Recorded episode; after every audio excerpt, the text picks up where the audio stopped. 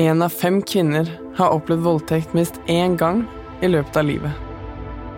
De fleste blir voldtatt av en de kjenner. Bare 20% av kvinnene anmelder, og nærmest ingen får gjerningspersonen dømt.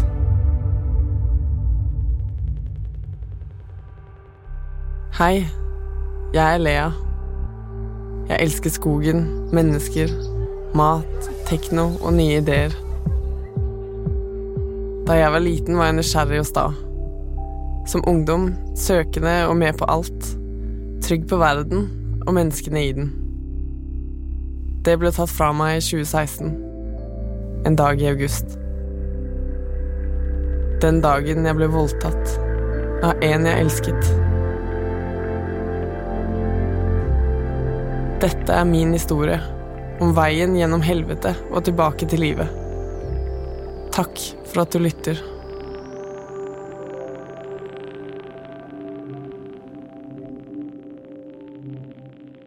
Jeg vil aldri si at det har vært verdt det. Det er ikke slik at all motstand gjør sterkere. Men jeg har lært enormt mye i årene etter voldtekten. Og i denne episoden vil jeg dele åtte råd med deg. Men først en viktig påminnelse. Store problemer har som ofte store og sammensatte løsninger. Som mange fortvilte der ute har jeg brukt timevis på Google i desperat jakt etter måter å føle meg bedre på og komme meg videre i livet. En gang meldte jeg meg på et behandlingstilbud som lovet meg kur for mine PTSD-symptomer på bare et par måneder. Det viste seg så klart å være en skam. Det finnes ingen quick fix. Når det er sagt, så fins det mange gode råd som du kan ta med deg på veien. Ikke fordi det løsner opp i alt som er vondt, men fordi det kan hjelpe deg å takle den vonde fasen. Dette er råd jeg har samlet opp gjennom flere år med terapi, samtaler med andre, fagpersoner og egne erfaringer. Dette er de tingene som har hjulpet meg, og som jeg håper kanskje kan hjelpe for deg. Nummer én Fortell det til noen. Det viktigste du gjør, er å fortelle. Kanskje er du en av de som har holdt på hemmeligheten, og tenker at det er bedre for deg å ikke rippe opp i det. Du behøver ikke si det til noen du kjenner, men jeg insisterer på at du bør fortelle det til noen. Hjelpetelefonen er et godt sted å begynne. Der er du anonym, og der kan du øve deg på å fortelle.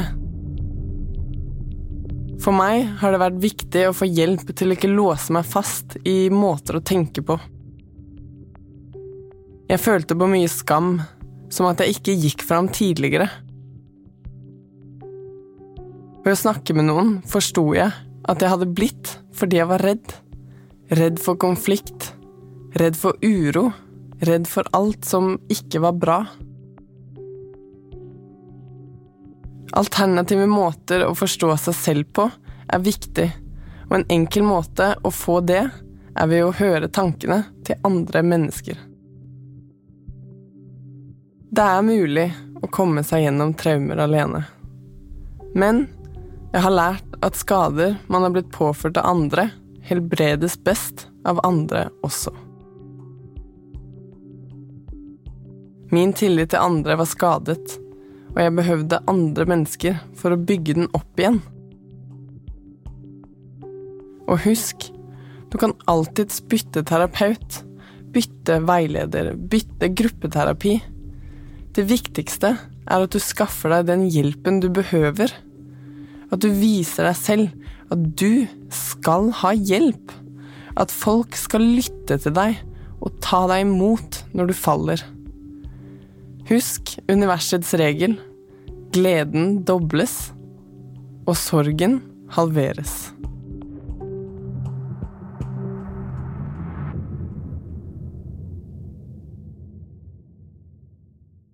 Nummer to skill deg fra traume. Etter en voldtekt gjennomgår man ofte sterke og uforutsigbare reaksjoner som kan virke litt fremmed. Sånn er jo egentlig ikke jeg, kan man tenke. Og det kan oppleves slik, som at dette er det nye deg, men det stemmer ikke. Du er der inne.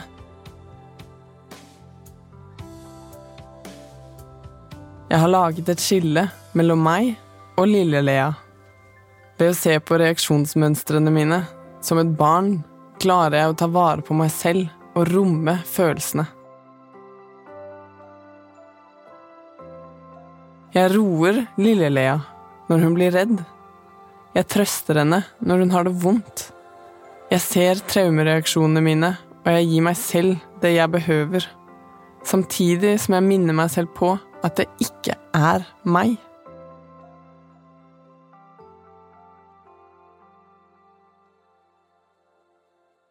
Nummer tre hold fast ved håpet. Som med all annen sorg og fortvilelse så kjennes reaksjonene etter voldtekt som at de tunge dagene skal vare livet ut. Men det er heldigvis ikke sant. Hver dag er annerledes. Noen dager kjennes så mørke ut at du vet at dette orker du ikke å stå i over lengre tid. Det kjennes ut som du ikke husker sist du kjente glede eller lo spontant. Det har hjulpet meg å vite at hver dag er annerledes. Den vil kanskje ikke være bedre, men den vil være annerledes.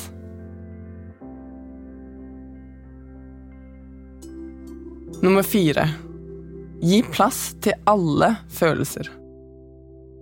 Lenge turte jeg ikke å fortelle om det gode jeg og Thomas hadde. Han hadde forgrepet seg på meg, og det føltes helt feil å mimre det fine om en som har skadet deg. Men ved å skyve vekk de varme følelsene, kjærligheten, så ble jeg bare mer engstelig. Du må tørre å romme alle følelsene i deg selv La det bare komme ut. Det vil bli mye lettere å gi slipp. Og hvis det skulle være for vanskelig å si det høyt, skriv det ned. Skriv en liten halvtime om dagen, og vit at følelser, de varer heller ikke evig. De forandrer seg hele tiden, de også. Nummer fem. Lag gode rutiner. På Google fant jeg bare tips som handlet om å få nok søvn, mat, gå seg en tur, drikke en kopp te, trene, lage noe god mat.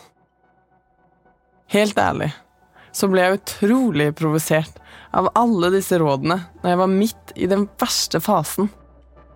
Å gå seg en tur eller drikke te føltes så jævlig banalt når jeg hadde så mye uro i kroppen. Men stol på meg.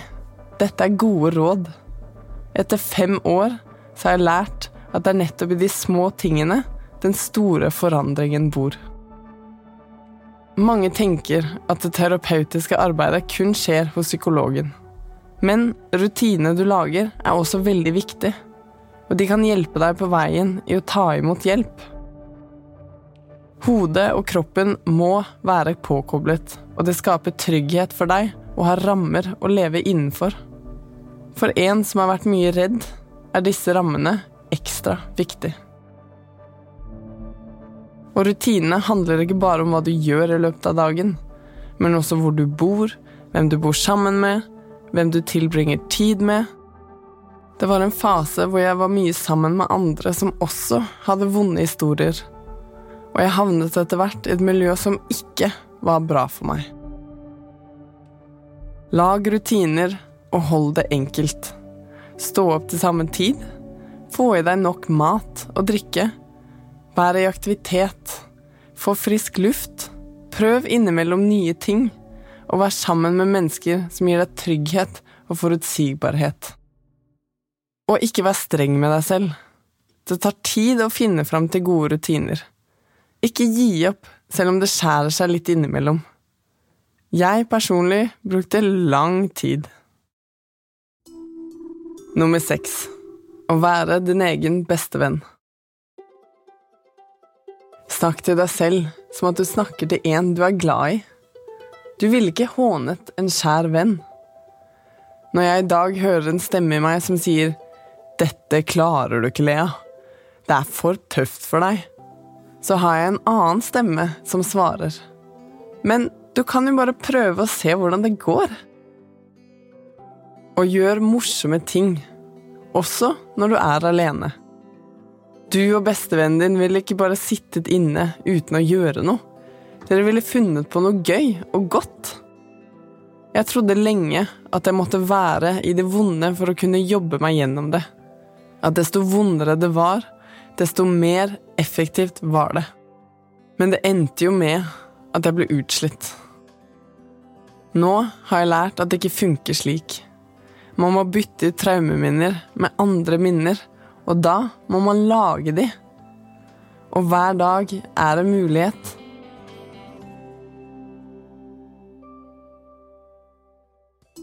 Nummer sju kunsten å ikke vente. Jeg ble helt besatt av venting. Venting etter anmeldelse, venting på terapi, venting på å føle meg bedre. Alt handlet om venting. Jeg så for meg venting som en kø, og at jeg sto i den hele tiden. Men så skjønte jeg det er jo bare jeg som står der. Og venting er ikke et sted jeg må være for at noe skal skje. I den verste perioden tenkte jeg ofte jeg orker ikke en dag til med dette. Og for å holde ut etablerte jeg en kveldsrutine. Jeg tenkte på noe bra som hadde skjedd den dagen. Det kunne være at noen hadde smilt til meg på butikken, at jeg hadde sett noe jeg syntes var fint, eller kjent en god duft i en hage. Det er helt vanlig at ting går sakte. Vær tålmodig. Minn deg selv på at du har opplevd noe som ikke skulle ha skjedd. Anerkjenn at det var fælt for deg. Og husk at det er mange veier til å hile. Ikke vær redd for at du ikke hiler riktig, eller fort nok, eller for sakte. Aksepter at du innimellom faller litt tilbake. Bare reis deg og start på nytt. Gi det tid. Nummer åtte Utfordre deg selv når du orker. Etter noen år startet jeg på kampsport. Kampsport har gitt meg muligheten til å komme i kontakt med kroppen min igjen. Jeg har blitt aktivert på nytt. Jeg har kommet ut av en sånn frakoblet tilstand i kroppen min. Jeg er i fight-modus. Dette har gitt meg en ny trygghet i kroppen. Jeg sier ikke at alle bør starte med kampsport, men prøv å pushe deg selv til å komme ut av frakoblet modus, så du kan leve. Når vi er koblet på i hodet og i kroppen, er vi mye mer til stede. Og til slutt du har verdi. Det høres så enkelt ut selvverd. Men jeg husker det øyeblikket jeg forsto hva det faktisk betyr. Jeg gikk i skogen og tenkte på kroppen min og hva som hadde skjedd med den. Og så var det som at det gikk et lys i meg, som sa du har verdi.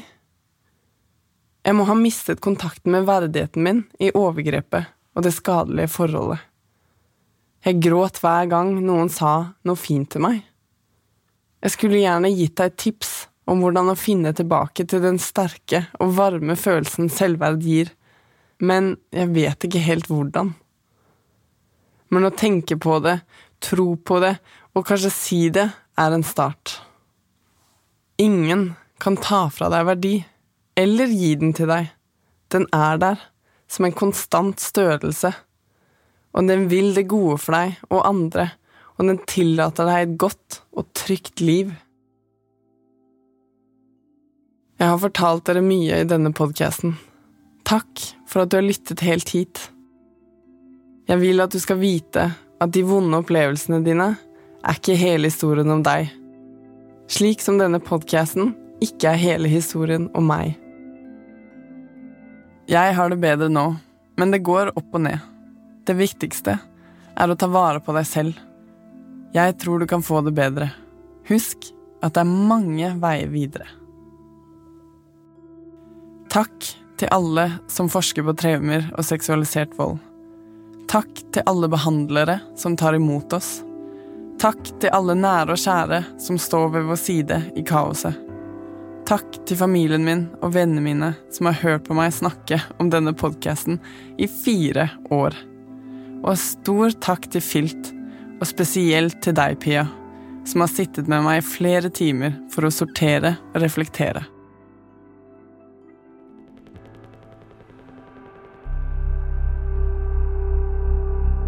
Vi har kontakta Thomas flere ganger, sånn at han skulle få anledning til å fortelle sin versjon av hva som skjedde mellom han og Lea. Han ønsker ikke å kommentere det hun forteller om i denne podkasten. Har du opplevd seksuelle overgrep, eller tror at du har opplevd noe? Da kan du ringe VO-linjen på 116 006, eller hjelpetelefonen for seksuelt misbrukte 857 000. Hvem som helst kan ringe, når som helst. Du kan også gå inn på dinutvei.no. Takk til alle jeg har møtt gjennom disse årene, som har støttet meg og hjulpet meg å reflektere og se. Et liv uten vold er mulig.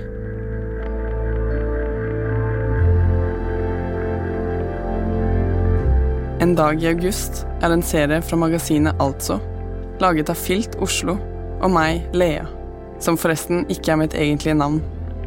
Vi har byttet ut alle navn i historien.